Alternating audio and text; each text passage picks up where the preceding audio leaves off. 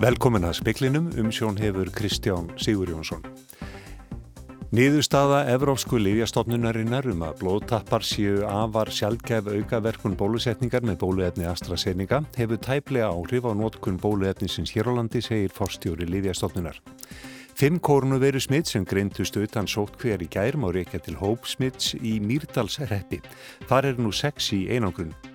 Stjórnvöld ríkja heims ættu að hækka skatta á efnafólk til þess að greiða þann kostnað sem fylgir COVID-19 faraldrinum að mati alþjóða gjaldir í sjóðsins. Þau ættu jafnframt að aðstóða fátækari ríki við kaupa bóluefni. Fiskistofa fær auknar heimildir til að afla upplýsinga um afla hlutdeild og eignarhald útgerða í nýju frumvarfi. Þar er brugðist við svartri skýslu ríkisendurskoðunar um eftirlit stopnunarinnar. Ótti landsmanna við að smitast að COVID-19 hefur aukist á undaförnu sangkvæmt nýjum þjóðabúlsi Gallup, þeim fjölgar sem versla frekar á netinu og kaupa umfram byrðir. Rúna Haugstóttir Kvanberg, forstjóri Lífjastofnunar á síður von á að niðurstaða Evrósku Lífjastofnunarinnar um að blóðtappar séu afar sjálfkef aukaverkun bólusetningar með bóluetni AstraZeneca hafi áhrif á nótkun bóluetnisins hér á landi. Aðeins þeir sem eru 70 ára og eldri fá lifið. Evrópska Livjastofnunin hefur undanfarnar vekur rannsakað tengsl bóluefnis AstraZeneca og blóðtappa hjá þeim sem hafa fengið bóluefnið. Í dag tilkynnti stopnuninn að blóðtappar væru afar sjálfgæf aukaverkun bólusetningar með efninu og þá bærið að skrá. Flest tilfelli blóðtappa eftir bólusetningu hafa verið hjá konum sem eru yngri en 60 ára. Nokkrir týjir tilfella blóðtappa hafa komið upp hjá fólki eftir bólusetningu og var nótkun bólefnisins hægt tímabundið víða um Evrópu í mars meðal annars á Íslandi. Í Damörku og Noregi hefur ekki enn verið byrjað að nota bóluefnið á ný. Hér á landi hófust bólusetningar með efninu aftur í lok mars og er eins og er aðeins búið þeim sem eru sjötugir og eldri. Rúna Haugstóttir Kvandal, forstjóri Íslensku Livjastofnunarinnar, gerir ekki ráð fyrir að breytingar verði á bólusetningu með efninu hér á landi. Það er heilbrísið valda einhverju landi fyrir sig að ákvæða hvað gert er með þessa nýðistöður en það var hóstilis að í helsta áhættu áfnum um þessa e, sko aukaverkun væru konur e, þarna 60 ára og, og yngri. Að, þetta er, þetta er, þetta er fágætt e, aukaverkun en alvarleg. Sérfræðingar Livjastofnunar Evrópu kvöttu til þess eftir fundin í dag að fólk hjaldi áfram að láta bólusetti sig með AstraZeneca þar sem ávinningurinn væri umtalsvert meiri en hættan á aukaverkunum og tekur rúna undir það. Þórheldur Þorkjelsdóttir tók saman. Landsréttur vísaði nú rétt fyrir fréttir frá dómi á fríun sótvarnarriðvalda á úrskurði hérastóms Reykjavíkur frá því í fyrradag. Úrskurðurinn hvað áum að ríkinu væri ekki heimilt að skikka ferðarfólki í sótvarnarhús, ætti það lögheimili hér á landi og gæti seti sótkvíjana kvína af heimaðið. Úrskurður hérastóms stendur því óhaggaður. Landsréttur taldi að skortur hefði verið á lögverðum hagsmunum í málnu. Fólki sem kærði sóttvarnardöluna væri ekki lengur í sótkví. En Brynjólu Þór Guðmundsson fréttamaður er komin hér inn með nýtíðindi frá sóttvarnarleikning.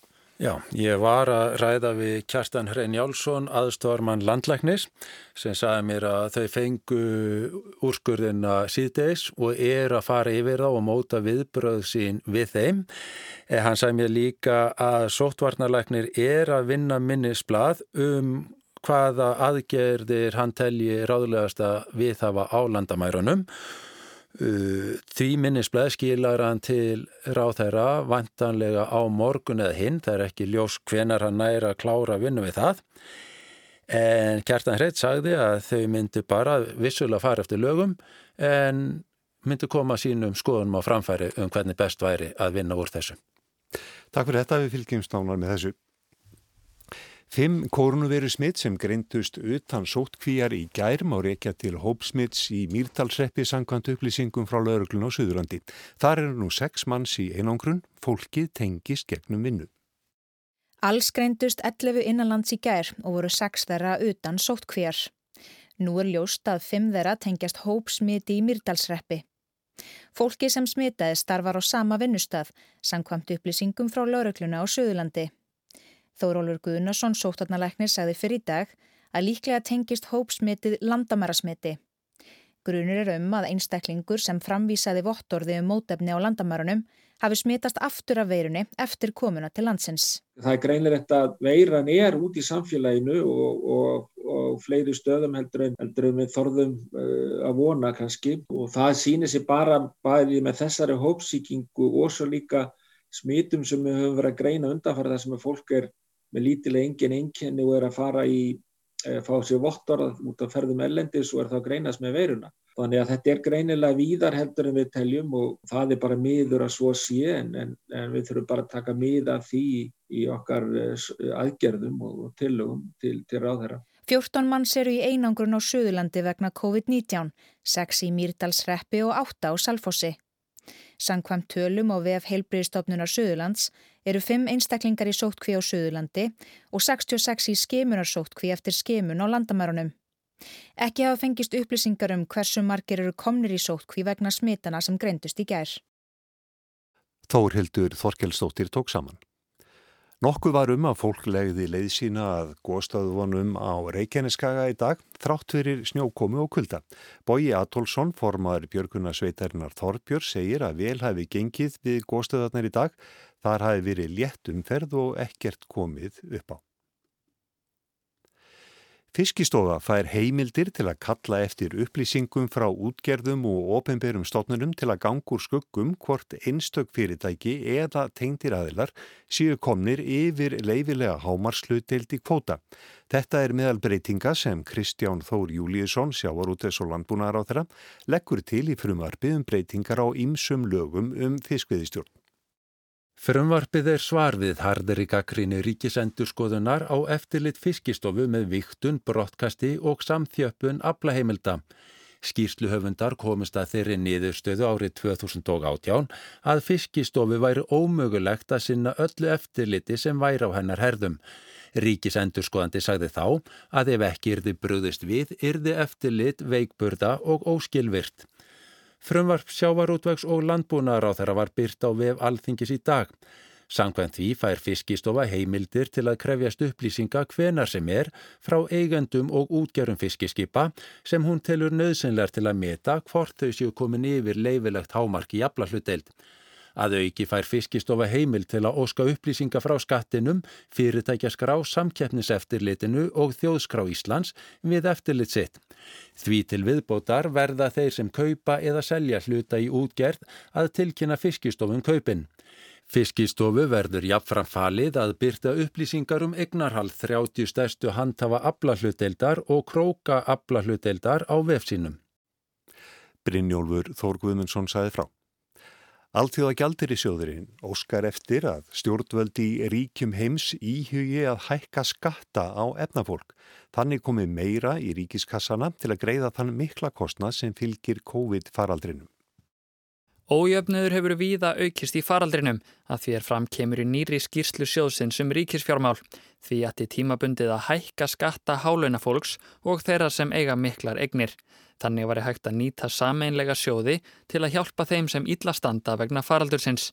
Framkom á kynningarfundi um skýsluna að nú væri ráð í velmegunaríkjum að beina skattlagningu að þeim einstaklingum og fyrirtækjum sem hefðu hagnast mikið í faraldrinum.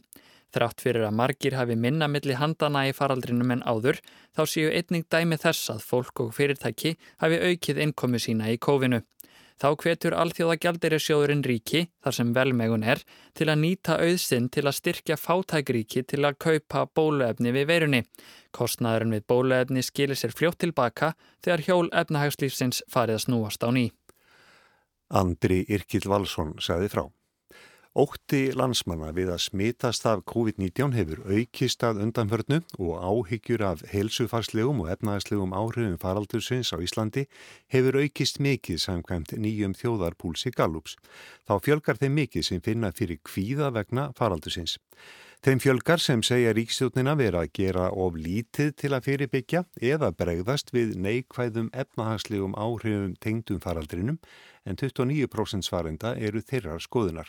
Þá hefur þeim fjölgað sem versla frekar á netinu, forðast fjölfarna staði, þvó og spritta umhverfi sitt oftar og kaupa frekar inn þannig að þau eigi umfram byrðir. Nánar má lesa um þessa konun á rúf.is. Hérastómi Reykjavíkur úrskurðaði fyrradag, fyrradag að ríkið getur ekki skikka fólk sem á lögheimili hér á landi til að fara í sótkví í sótvarnarhúsi ef það getur tekið hana út heima hjá sér. Hérastómur mat það sem svo að um ólöglega frelsisviftingu væri að ræða. Mat sótvarnarlæknis og heilbreyðisráðara var að aðgjörðin væri lögleg og gengi ekki lengra en nöðsynlegt er til að vernda líðhelsu. Ríkið áfríaði úrskurunum til landsréttar og nú rétt fyrir fréttir, fengum við þær fréttir, að landsettur hefðu vísað málunum frá. Þar eða sóttkvinni var lokið hjá þeim sem að kerðu og því fegst ekki efnisleg niðurstaða í málið hjá landsetti. En til að ræða þetta mál og annað sem tengist COVID-faraldrinum, sóttvörnum og hversu landskúli ganga í þeim efnum, eru í síma þau Helga Vala Helgadóttir, þingmaður samfélkingar og formaður velferðarnemndar alþingis og Vilhjálmur Árnason, þingmaður sjálfstæðisflokks og nemndarmadur í velferðarnemnd. Kanski fyrst eh, Helga, já hver eru þín viðbröð, ég bæði við úrskurði hérastóms í, í fyrradag og það að landsréttur skuli vísa málunum frá? Já, uh, úrskurði hérastóms kom mér ekki óvart uh, en, en auðvitað auðvitað spenntur eftir niðurstöðinni. Ég var búin að benda á þetta bæði í, í lók janúar en svo aftur núna réttur í páska. Þá spurði ég Eh, helbriðsáþara hvort að hún teldi sig hafa lagastón fyrir því að setja svona reglugerð sem að skipaði fólki í, í, í sótkví í sótvarnarhúsi og hún sagði já og ég uh, bara hlustaði á það en, en taldi ekki vera lagastón fyrir því og hefði gerðnan vilja hafa þetta í lögunum svo því sem ég heldur til að haga því að hérna En, en, en þegar að lögin voru sett auðvitað þarna í byrjun ásins þá vissum við ekki að, að, að til stæði að skilda fólk í, í sótvarnabús. Það var aldrei um það rætt, það var ekki í frumvarpir á þeirra. Mér heldur um það rætt að, að bæta því við í meðferð nefndarinnar. En finnst þið slæmt að ekki skulle hafa komið etnisli nýðistada frá landsveiti? Það er svo ákveði klúður. Uh, það hefði mátt koma í veg fyrir það til þess að fá niðurstöðu frá Eh, áfríðinu dómstólum eh, af því ég held að það sé mikilvægt þetta er mikilvægt mál varðandi valdmörk eh, stjórnvalda. En þau taka ákvörðunum að hugsa sig um í sólarhinga áður en tekinir ákvörðunum að kæra. Vitandi það að, að tíminn var ekki að vinna með þeim. Þau hefðu geta líst yfir kæru strax við, við þegar upp, úrskurðurinn var hverðin upp í, í hérastómi en þau gera það ekki, hugsa málið í sólarhing og, og þess vegna lendaðu í því að fá ekki efnislegan dóm. Viljarman, hver eru þín viðbröð við, já bæði uh, úrskurði hérastóms og, og þessu núna sem gerist réttir í réttir? Já, ég teknum bara undir að eftir að við fórum skipti yfir sóttunarlögin og náðum um þau sátt í þinginu, bæði í velferðanemndinni og jú, það var einhverju með einhverja smá fyrirvara við setningu lagana, en við fórum þá bara yfir þetta meðan var þokkalega góð staða í farandrinu þannig við kannum farið í róleitum yfirvegaði yfir laugin og náð þannig satt um þau. Og því kom þetta mér kannski ekki óvart og ég tek alveg undir það að það hefði verið betra að fá svona efnisleiri niðurstöðu frá landsrétti. En ég held að þetta snúist bara svolítið mikið til um framkvæmdina við þurfum að huga því hvernig er hægt að, að framkvæma sóttarnar aðgerðir sem að halda innan ramma lagana og þetta snúist bara svolítið um það. Er málið það að, að ráþerra hafði ekki já, nægilega góða lagalega ráðgjöf eða lögfræðilega ráðgjöf þarna? Er þetta klúður um stjórnvöldu? Já, þetta er klúður og ég hef séð alls konar uh, umræðu, sérstaklega á samfélagsmiðlum undanfæranda dag um að sóttvarnarlæknir bera eitthvað ábyrða þessu. Hann setur auðvitað ekki reglugerðir. Hann kemur með tilugu til ráþerra sem að byggjast engung á hans læknisfræðilegu og faraldisfræðilegu þekkingu það er auðvitað ráðuneyti sem, er, sem að, á, á að kanna hvort að uh, reglugerði ráðferða rúmist innan lagana og, og ráðferða verður auðvitað að passa upp á sín valdmörk. Ef að það er ekki lagast og fyrir þessu þá getur hún ekki skrifað já, tiltekin tek, verk í, í, í reglugerðis. Það er alveg skýrt og Vil, hún veit það. Viljarum, er þetta samanlega þessu? Ég, ég held að aðalatrið hér sé bara að við erum að takast á heimsvaraldur, hlutinni gerast hratt, þetta er allt saman framandi fyrir okkur, þannig að við þurfum bara að, í saminningu, við erum alltaf að tala með erum í þessu saman. Og ég held að við erum bara að reyna að finna lausnir til þess að gera frænkandina sem besta. Og, og kannski ekki hérna vera að festa okkur ómikið í hverju gerðu mistöku eða hvað hérna heldur bara hvernig komum við framkvæmdini þannig að hún standist lög. En er líka að ná sem bestum árangur í sóturnum þannig að við getum nú farið að lifa sem eðlilegustu lífi og, og ég bendi bara að það er stutt eftir þessum faraldri og við erum, við erum bara að læra helling og, og þetta er, er hérna margt sem við erum að takast á við hérna í fyrsta sinn. Og þó að, að frængandin hafi eitthvað misfarist núna að þá þurfum við bara að laga það og vera saman í að finna góða lausnir til þess að tryggja hér sem besta sótvarnir á sem minnst ítingjandi hátt að því að því meira ítingjandi er því minna verður þól almenningsfyrfisug og það er mikilvægt að við náum að halda sem flestum hópum með okkur í verkefninu þennan stutta tíma sem er eftirhandilega að, að með litið þjóðar að vera á bólusettur og við förum að sjá frjálsari tíma í þessu. En hver er að vilja þá stjórn, viðbröð stjórnvalda að vera núna við þessum við, úrskurði? Ég finnst að við þurfum bara að, að skoða alla leiðir hvernig við getum bætt þessa frangand og mér finnst að hafi komið í að funda okkur í velferðarnemnd í gær og, og, og svo eftir það margt, margt í því. Það er hægt að auka eftirlit, það er hægt að auka upplýsingaflæði, það er hægt að gera þetta margt skilvirkara og, og hérna og ég líka bent á því að það er svolítið mikill greinamunur á hvort það séu ferðamenni að þeir sem hafa húsuttu hér og það um það einmitt er þetta fjalla þannig að það er ekki verið að dæma sóttvarnahús alveg leik í þessu, alls ekki þannig að núna þurfum við bara að leggjast á áratnar að, að auka upplýsingaflæðið, auka eftirlitið og, og gera skilvirkari frængand á þessu Og, og þá held ég að þetta getur, við höfum ekki gleyma því að það hefur verið búið að bólusitt allar 70 ára eldri framlýnu starfsfólk og fornarsópa, þannig að við erum bara á góðu róli.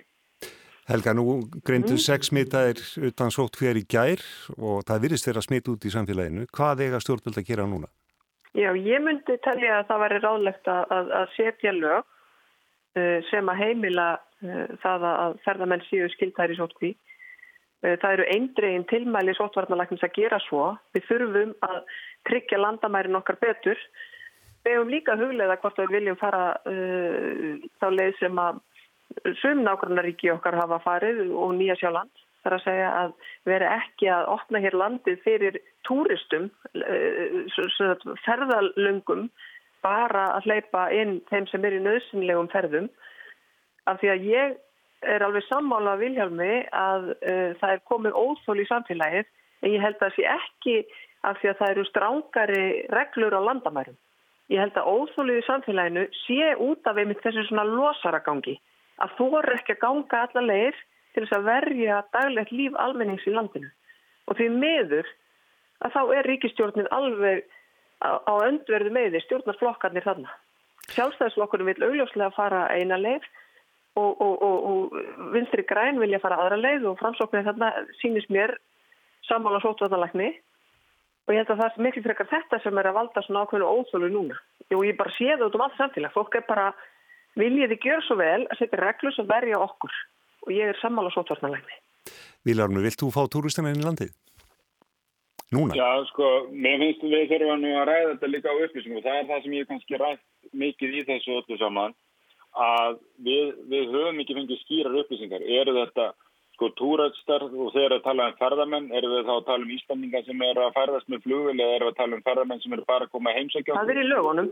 Og, og já, það þarf að skilgjörina um hvað fólk er að tala þegar það er, er að ræða þetta.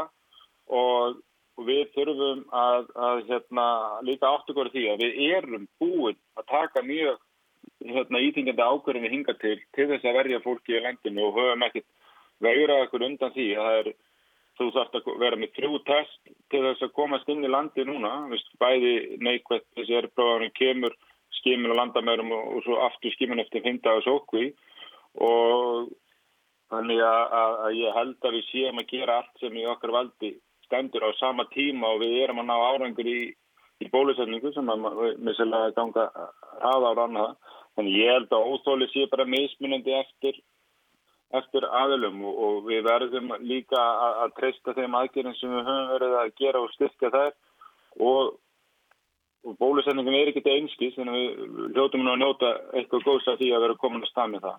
Að því að þegar að þessar reglur voru settar og sem við erum að vinna samkvæmt lögunu núna þá var nú allar byrjað að bólusetja og, og við höfum aldrei verið mjög strangar reglur á, á landamörunum eins og við erum með í dag og samt er, er, er hérna, við búin að, eins og ég hef verið ítrykka að segja, eru bólusendingur annað. Þannig að þeir sem að hafa 90% af fólkinu sem er að taka, er 70 eldri sem er að fara eitthvað vest út úr COVID-19 og við, okkur er búin að takast að bólusetja það og þannig að við þurfum að horfa á þessu samhengjörðu saman. Vílarumur Átnarsson og Helga Vala, Helga Dóttir, við komumst ekki lengra. Takk fyrir spjallin.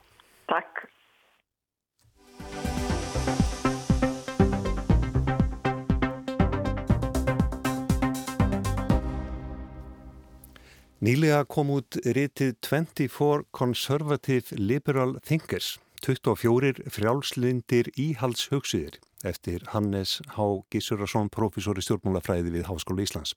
Hugveitan New Direction í Brussel gefur reytið út. Bóji Ágússon rætti við Hannes.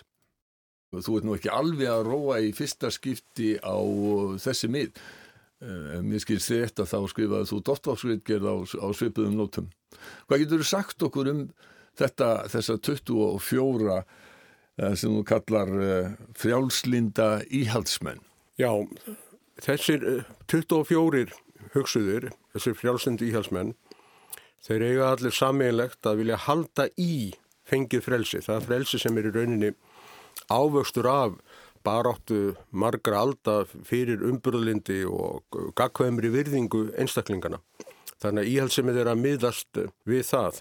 Jafnframt eh, er þeim öllum samílegt að telja að eh, fyrir utaninn fyrir alls að marka sem sé mjög hagkvæmur og eðlilegur og, og skili miklum árangri, þá verða að koma eh, síðferði, verðmættamat, heilbrið íhalsemi, virðing fyrir guðsótt og góðum síðum eins og það var kallað í minna esku, borgarlegum digðum eins og stundvísi, skilvísi og yðjusemi. Þannig að Hinn frjálsum markaður krefst líka síðfyrirlegs grundvallar og þessi grundvallur líkur í hefbundum gildum vestarindar menningar. Nú getur maður ímynda sér að það væri kannski dálítið langt á milli Ayn Rand sem hún nefnir og Snorra Sturluson og Tómas Avakinas. Já, það má segja það að frjálsnend íhjálpstefna hún byrjir rauninni ekki fyrir með John Locke og byltingunni dýrlegu 1688 í Breitlandi en enga síður hafði ég tvo miðaldarspekinga með í hópnum þá Snorra Sturluson og heilagan Tómas af Akvínas því að þeir voru báðir hlindur því sem að síðan var lagt í grundallar í byltingunni sem var upprisnur eftir alþýðu. Eh, í rítum Snorra Sturlusona kemur mjög vel fram að hann telur að konungurinn hans er bundin af lögunum, hinnum góðu gömlu lögum sem hann verður að viðkenna þegar hann tekur við völdum. Og ef hann brítur þessi lög þá uh, meiga tegnandir setja hann af. Þú lítur svo á að Snorri sé að setja fram skoðanir þegar hann er að skrifa heimskringlu. Þetta sé ekki bara að saga Norús konunga heldur, ekki síður andstöðunar við konunga. Já það er alveg rétt og ég held að Snorri hafi verið daldið minstúlkaður og honum hafi verið borin verð sagan heldur en eðlilegt sé vegna þess að það er greinilegt að frænda hans Sturða Þórðarsson, hann hefur einhvers konar horn í síðans, það má nefna eh, mörg eh, dæmi um það. En eh, best hér að halda sér bara það að Sturla er ákveðin konungsmaður sem telur Íslendinga verði til þess að tryggja friðin í landinu að ganga undir Norris konung en Snorri var greinilega með það skoðun að Íslendingar ættu ekki vera þegnar konungs heldur vinnir. Þeir eru að stefna að vinsanlugan samskiptum við Noreg en ekki að fara að gjalda Noregs konungi skatt. Þannig að Þeg... þú lítur á að ræða einast þverræðing sem að e, hann skrifar eh, sé í rauninni politísk yfirlýsing snorra. Já, ég held það og þegar ég líti á feril snorra þá finnst mér að hann myndin röggrænt saming ef við gefum okkur það að hann hafi ætlað sér að, að heia gull í konungsgarði með því að skrifa ettu skálskapamál og endur lífka gamla gamlan útflutningsatunum veg Íslendinga sem var lofkvæðum konunga. Og hann fer til Noregs og verður þar vinur konunga. Og hann er tekst að afstýra e, árás á Ísland og ég held að e, saganum landvættirnar e, sé dæmisaga sem að hann sé að segja e, Noregs konungi um það að borgi sé ekki að gera innras á Ísland. Og hann hefur samið hana að miklu liti sjálfur. Eftir vil hefur hann haft í hliðsonar eitthvað annað. En við sjáum þetta líka í eh, heimskringlu þegar hann er að segja frá Sigvætti Skáldi. Eh, Magnús konungur, hann er alltaf harkalegu sína þegna. Og þá er sem kurtis hirðmaður kemur fram og hveður bersöglismál og bendir konungi hófsamlega og kurtisla á það að hann verða að stilla sig og Magnús lætur skipast. En það er ekki engungu ræða Einar Svereings þarna heldur líka ræða Þórgnís eh, lögmanns hins sænska sem ég ræði þarna og þar hefur Snorri að sumiliti frjálsari hendur að lýsa konungi sem yllum því að þar er hann að lýsa eh, svíakonungi en ekki Norriskonungi. En ef við eins og að lesum heimskringlu vandlega þá sjáum við það að sumir bestu einstaklingarnir í, í bókinni er ekki konungar heldur, er mitt anstæðingar þeirra eins og Ellingur Skjálksson og Einar Þambarskjálfur og heimskyninglega er held ég saga átaka tveggja hugmyndum lög og rétt. Önnur er að lögin séu samæli eh, þjóðana og hinn er að lögin séu fyrirmæli konunga og þessi síðari skoðun, hún er að riðið sér til rúms í Nóriði en á fyrri skoðuninni var íslenska þjóðveldi reist og, og hann er að lýsa þessum átökum snorri og hann sér þetta skýrar en margir aðri vegna þess að hann stendur á þessum tímamótum sjálfur og er þetta líka þannig maður, hann er það blendin og, og fjö, fjölsgrúður að hann skilur þetta betur en nýjum sér aðrir. Þú talar um íslenska þjóðveldi og það sé einstakt á sínum tíma þegar það er stopnað 930 það er ekki framkvæmdavald uh, og það er uh, engin ríkistjórn og það er engin konungur. Já og uh, við erum með lög án ríkisvalds og ég kasta fram tilgáttu í lokkaplan sem Snorra Sturluson ekki aðeins um það að hans höfundur Íslandingasagnir þinn skilningi að eigilsaga sem hann hefur skrifað hafi verið fyrsta raunverulega Íslandingasagan heldur líka er ég að reyna að skýra hvers vegna Íslandinga fóra að setja saman Íslandingasögurnar og ég held að það eftir verið viðletni sinni til þess að skýra sjálfa sig og sína þjóðlugu vitund í, í, í gagvart og anspænis ásælni Norriskonungs þannig að það hefur verið svona kveikjan að Íslandingasögunum, það hefur verið að Íslendinga fór að velta fyrir sig hvað merkir það að vera íslenskur?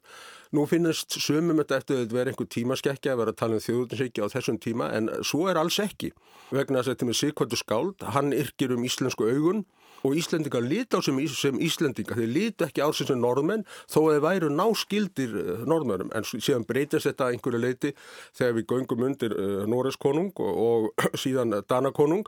En við síðan skildum við, við uh, Dani 1980 því við vorum Íslendingar en ekki Danir. Og það er erfitt að skýra þetta fyrir öðrum. Til dæmis átti ég og segja frá því í bókinni samtali við þau Milton og Rós Frídmann þegar við vorum aðgum bæinn og Rós Frídmann sagði við mig, ángurðu talið ekki bara ennsku, er ekki mjög hagkvæmara að tala alþjóðamálið? Og Milton sagði við hann réttilega, heyrðu við Rós, þú getur ekki sagt þetta. Þegar auðvitað viljaði tala sitt eigið mál og hversuna viljum við tala okkar eigið mál? Það er því við erum Íslendingar, við eigum sálufélag, við Snorra Sturluson, það er eitthvað dýrmætt sem við eigum uh, sameinlegt, einhver þjóðaregn, einhver samegn og það er í þeim skilningi sem ég og allir frjálstindir íhalsmenn, við erum einmitt samegna sinnar. Því að samegn okkar er þessi gömlu hefbundnu arfelgu uh, verðmæti sem við viljum standa vörðum eh, og varðveita en um leið þróa og þroska og betrumbæta sagði Hannes Holmstein Gísurason í samtali við Boga Ágússon. Það var helst hjá okkur í speklinum í kvöld að landsréttur hefur vísað frá kæru sótarnarleiknis og niðurstaða hérast um stendur um að það að skikka þá í farsótarhús sem hér eiga heimili og geta verið í heimasótkví hafi gengið lengra en lög heimila. Sótarnarleiknir vinnur að nýju minnisblæði um aðgerðir á landamærum. Niðurstaða Evrósku Livjastofnunarinnar um að blóðtappar séu afar sjálfgæf aukaverkun bólusetningar með bóluetni AstraZeneca hefur tæplega áhrif á nótkun bóluetnisins hér á landi, segir forstjóri Livjastofnunar. Fimm kórnuveri smitt sem greindist utan sótt hver í gær má reykja til hópsmitts í Mýrdalsreppi. Þar eru nú sex í einangrun. Fleiri ekki í speklinum í kvöld. Gísli Kjaran Kristjánsson sendi út verið sæl.